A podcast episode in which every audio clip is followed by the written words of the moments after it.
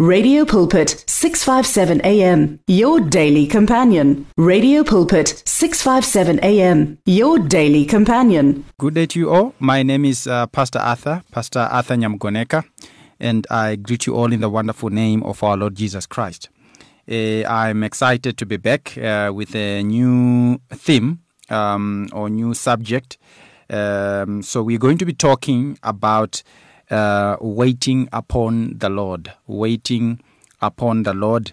So within this uh, series, I've got five, um, five, five, five topics or five se- uh, uh, sermons that I'm going to cover, uh, and they are going to be uh, centered upon the main subject of waiting upon the Lord. Once again, I greet you all in the wonderful name of our Lord Jesus Christ. I'm excited to be here, and I do believe and hope that you're also excited um, as you are going to dig into the Word of God. Um, this is our spiritual food. Um, so, um, normally, you know, when a person is hungry, and uh, um, you know that at a particular uh, point in time, someone is going to bring food to you, um, just the thought of that brings excitement because you know that your body is going to be nourished. Your body is going to um, receive uh, what it is craving for. So it should be the same uh, when it comes to our spiritual food, um, which is the Word of God. We should be excited because um, um, when we are hungry uh, spiritually, um, what we regard or what we consider as the food, uh, spiritual food, is basically the Word of God. Remember, our Lord Jesus Christ um, um, once mentioned it in the scriptures that uh, men shall not live by bread alone, but by every word that comes out of the mouth of God. So uh, we are basically feasting at this moment on to the Word of God, which is our spiritual food. So, um, uh, just like I said, I hope everybody who is listening at this uh, point in time is excited as we partake into this um, uh, food of ours. Hallelujah.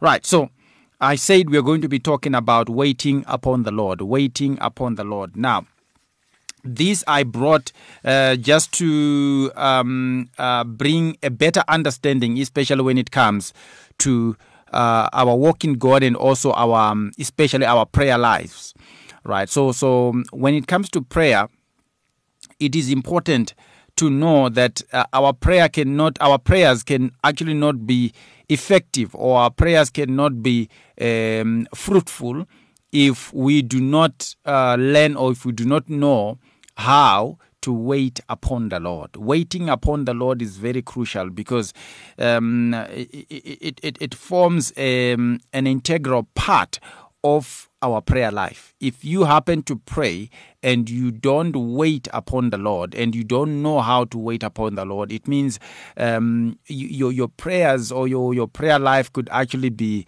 a, a fruitless exercise. So so this um, theme or this subject that I'm um, touching on is basically to um, uh, beef up your um, your prayer life so that at, at the end of the day you're able to get results out of your prayers.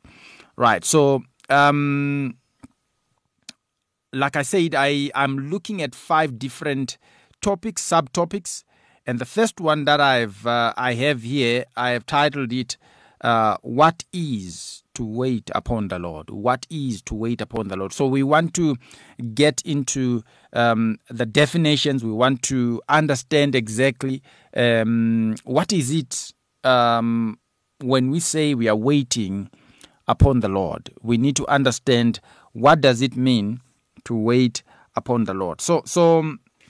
This is quite a common subject, especially if you read in the book of Psalms and also in the book of Isaiah a lot is mentioned about waiting upon the Lord.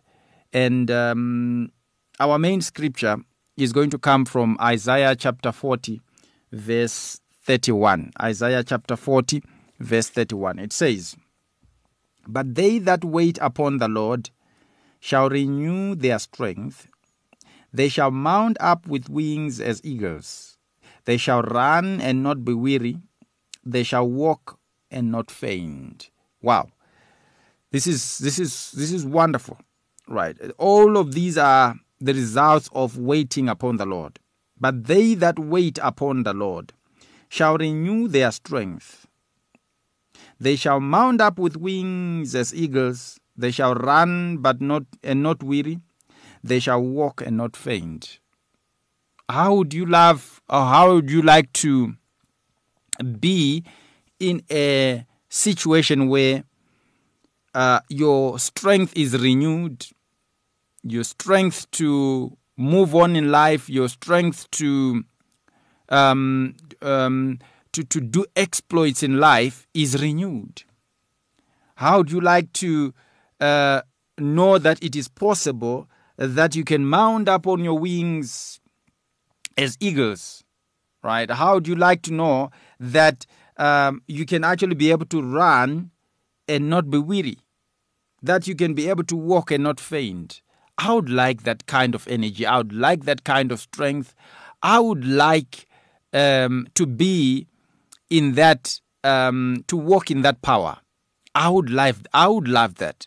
Right? How many times in our lives have we get, have we got to different points where we feel like giving up in life? Where you feel like you're trying this, you're trying that, and you just don't have energy to keep on moving. You just don't have energy to keep on trying. You just don't have energy to keep on, you know, doing whatever that you're doing. It could be at school. You just don't have energy anymore to keep on pushing. It could be in your marriage. You just don't have energy to keep on, you know, holding on to that marriage and yet you see that things are falling apart. You you look at um, your work, right? In your workplace, things are not okay, right? Um, everyone is on your case. You just don't have energy to wake up the next day to go back to your workplace because the environment is toxic. You just cannot do it anymore. We all have been in that scenario. We all have been in that space where and some who are listening to me right now they are actually in that kind of a space where they just don't have energy. To to to do anything in life. They just wish they could just you know um, lie in bed the whole day and just do nothing. Not because they are lazy but just life is throwing a lot of um, negative stuff at them and they just cannot you know move on. They just cannot do anything more. They just don't have that energy to you know um, uh, to, to, to, to do any extra thing in life. I'm talk I know I'm talking to some people who are exactly in that situation. But I've got an antidote here. And the antidote is waiting upon the Lord. Because when you wait upon the Lord, the Bible is telling us that you're going to be given new strength. Your strength is going to be renewed. Your energy is going to be renewed. You shall mount up with wings as eagles. You see, when an eagle flies in the sky. We are actually told that when an eagle flies, even when there is a storm that is coming, an eagle is able to, ri- to, to, to, to fly above the storm, right? It is able to fly above the storm such that the storm can only affect whatever that is beneath. But an eagle is able to fly above the storm in such a way that it is never affected right? So so the reference to an eagle here is telling us that you're going to be given new strength and you're going to be able to ride above to ride above your storms to ride above you know negative stuff in life. Wow. There is an antidote and the antidote is waiting upon the lord right? So if, if you are able to wait upon the lord you shall be able to do all these exploits. Right?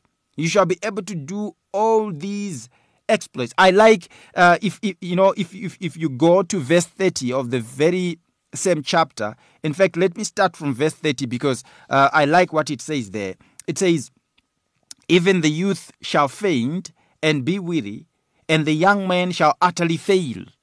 And then it then talks about the, the, but they that wait upon the Lord shall renew their strength they shall mount up with wings as eagles they shall run and not be weary they shall walk and not faint So it's even telling you that uh, young people don't deceive yourselves. Don't don't don't go out there uh, to try to do this life thing with your own strength because your own strength is going to be limited. Your own strength is going to be found wanting.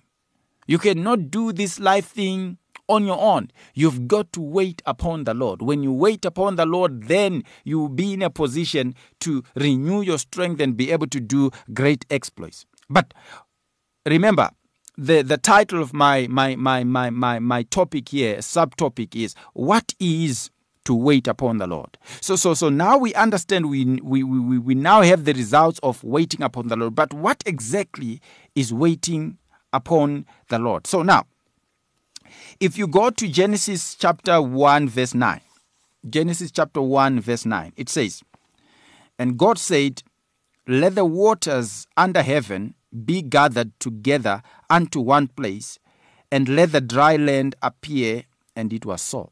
Wow. So now, the if if if uh, let me repeat the scripture or the this verse. Genesis 1 verse 9 it says and God said let the waters under heaven be gathered together be gathered together. The word gathered there the word gathered there is the same word we find in Isaiah 40 verse 31 that says wait. Right. So so so from Isaiah 40 verse 31 the Bible says, But they that wait upon the Lord. So the word wait there, and the word that we find in Genesis 1, verse 9, which says, Be gathered together, to gather together, are actually the same word. They actually share the same Hebrew word, right? Which is kava. Right. So this is quite interesting because this this this is giving us further light into understanding what the word what what what what to wait upon the lord means right so so here god is saying and god said let the waters under heaven be gathered together so when the waters are gathering together you see when waters gather together when there is water from this point of the earth and there's another water from the other point of the earth and these waters gather together you you'd realize something that when they gather they are able to share the same particles. They are able to share the same um, um, um, this to, to, share the same particles and strength to share. It's easy for the waters to come together. Their particles are able to come together. It's different when you have to sometimes take oil and water and you try to mix them together. It's going to be difficult for you to do that. Why? Because the particles that make up water and the particles that make up oil are different. But when waters are coming together, it's going to be easy because the particles that they that form um, this this this this substance are actually the same. So it's easy for these to come together. So so these were water bodies that were separated, and God said, God may um, uh, gave a commandment to say, let these water bodies come together.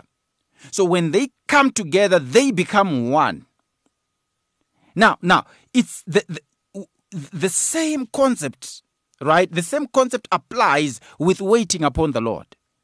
Because you and God are supposed to be one. And when you are one, the strength that was in God automatically it is now uh, transferred into you. And that's why Isaiah 40 31 is saying, when you wait upon the Lord, when you become one, when you be, when you are gathered together with the Lord, when you are one with the Lord, His strength becomes your strength. So I just wanted to shed light. I'm still going to speak more about this in the next session, but I just wanted to shed light to say what is to wait upon the Lord. To wait upon the Lord is to become one with the Lord.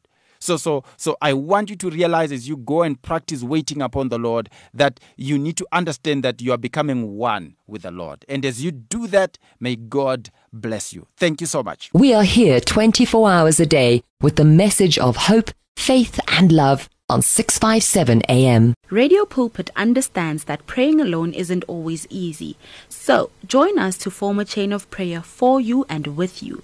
To do so, send in your prayer requests on 067 429 7564. That is 067 429 7564 or alternatively email us on prayer at radiopulpit.co.za. That is prayer at radiopulpit.co.za. Radio Pulpit's Facebook page makes you more a part of the station than ever before. Now you can give your opinion regarding our programs or even contact your favorite presenter. You can get the latest news and existing programs and communicate with other listeners. Come on, let your fingers do the talking on Radio Pulpit's Facebook page. It's interactive and dynamic. Just visit facebook.com forward slash Radio Pulpit. You and 657 AM and life. A winning team on the road to eternity.